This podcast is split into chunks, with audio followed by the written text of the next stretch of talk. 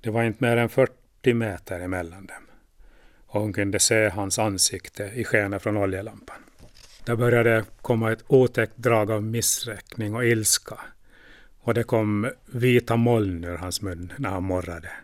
För satan flicka, nu slutar vi den här barnsliga leken. Du behöver inga göra dig till som om du inga skulle vara i lag med manfolk tidigare. Du tycker nog om det. Inga är det någon som blir imponerad av att du spelar svårfångad. Han ställde ner lampan i snön, sniffade runt i luften medan han tog sig en sup. Inga långt borta. Inga långt borta. Kunde Alina höra honom mumla innan han log på ett sätt som stramade i köld och ilska och pulsade mot fårhuset. Hetta, köld och sprit stred de herraväldet i hans ansikte så att det fläckades i vitt och lila. När ljuset uppslukades av fårhuset så det bara glimmade lite mellan brädorna tassade Alina iväg ner mot stranden, noggrant undvikande att lämna spårstämplar utanför den trampade stigen. Hon gick rätt ut på blankisen där inga spår skulle synas och gjorde en lov som förde henne tillbaka till stranden längre söderut. Lyckligtvis var natten stjärnklar, så hon kunde hitta den glänta och den bergknall hon sökte. Invid berget hade snön blåst bort och där låg gråa plankor utlagda i den frostiga snön. Hon lyfte ett par av dem, kröp ner i det mörka hål de hade dolt och drog dem tillbaka över huvudet.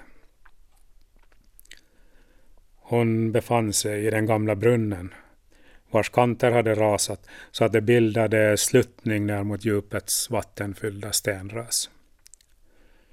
Försiktigt trävade hon sig neråt i kolmörkret och kunde bara hoppas att kölden hade trängt ner så att vattnet var fruset. En sten kom i rullning och landade utan plask. Där tycktes finnas ett isgolv. Men hennes händer började bli för styva och känslolösa för klättring. Lade sig som klabbar över springor och kanter istället för att söka sig in och gripa tag. Hon kanade och föll. Kände inte landningen, men å andra sidan kände hon inte längre just någonting. Hon låg i alla fall inte i vatten och lyckades vika en säck över is och sten, huka sig ner på den och fyllde kropp och huvud nödtorftigt med den slitna filten och de övriga säckarna. Först där, djupt i sin grop, fick hon tid att riktigt känna den förlamande kölden. Händer, fötter och ansikte var naturligtvis stela, men det hade trängt betydligt djupare än så. Nattsärken var inte mycket att komma med vid minus tolv. Sältossorna nådde bara strax över vristen och filten och säckarna var trådslitna och nerkylda redan från början. Hon la armarna runt knäna och körde ner hakan däremellan och svepte en säck kring huvudet. Kölden var skarp som järn. På avstånd hörde hon Karl ropa, men kunde inte urskilja orden. När hon tittade uppåt syntes några bleka stjärnor i springorna mellan planken. Men snart orkade hon inte längre vrida upp blicken. Hon kurade och kallnade och kände köldens sågande smärta övergå i domning och trötthet. Tidens gång var omöjlig att bedöma i en svart grop utan sinnesintryck. Men hon kunde känna livets gång mot sitt slut. Det avtog helt stilla. Hon fick inte försvinna från sina barn. Hellre då utelämnad än natt i Kalles lustar. Alldeles klart var det så.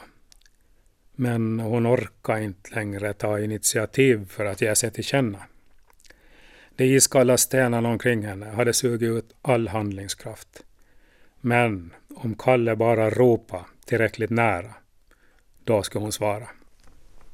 När någon sekund eller timme åter hade passerat hördes alldeles tydligt en muttrande stämma.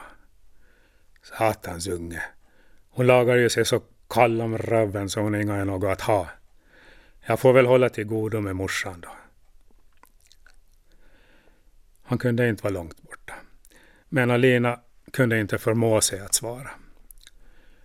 Muttrandet avlägsnade sig. Kölden sökte sig in som vatten sipprar i en gisten spann. Havsisen glimmade svart och oändlig under stjärnorna. Tunna strimmor av dimma kröp upp ur ett ensamt strömhål som var nejdens sista rest av liv. I baken fanns ännu nollgradig värme och en möjlighet till en sista rörelse innan även den lades under isnattens järnhårda grepp. Nu frös allt. Det smällde i havsisen när den slog sitt lock långt utåt Östersjön. På Bogför hade det blivit mörkt i stugfönstret och tyst på tunet. En smal rökstrimma steg ur skorstenen fast midnattstimman var passerad. Det eldades hårt men ändå kröp frosten över fönstret. Så öppnades stugdörren och Karl Friman klev ut, drog ner pälsmössan, kröp ihop för kölden och gick ner mot stranden. Om en stund hördes medarnas och broddens sång när han försvann utåt fjärden mot Lillbroskär. Ida rusar mellan fähus, lider, häbre och koja och ropar på sin dotter. Hon vände på hö, hon kikade under uppdragna båtar, i jordkällaren och till och med i den stora Braxensumpen. Hon sprang ropande i allt vidare slingor bland berg och buskar och till slut hörde hon ett svagt svar från underjorden. Hon hittade plankorna på marken, kastade mot sidan och såg den hukande dottern i oljelampans sken. Flickan förmådde inte längre resa sig, men lyckades sträcka upp en hand så att Ida kunde klättra ner längs de raserade stenarna och koppla ett grepp om hennes handled. Handen var iskall och Ida kunde blott långsamt hissa henne upp till stående för lederna lät sig sträckas bara med största tvekan. Då fick hon plats vid dottern i gropens botten, höll om henne och började sedan baxa henne uppåt. När det till slut nått upp under stjärnhimlen hämtade Ida en kälke och släpade sin dotter hemåt över klippor och tun.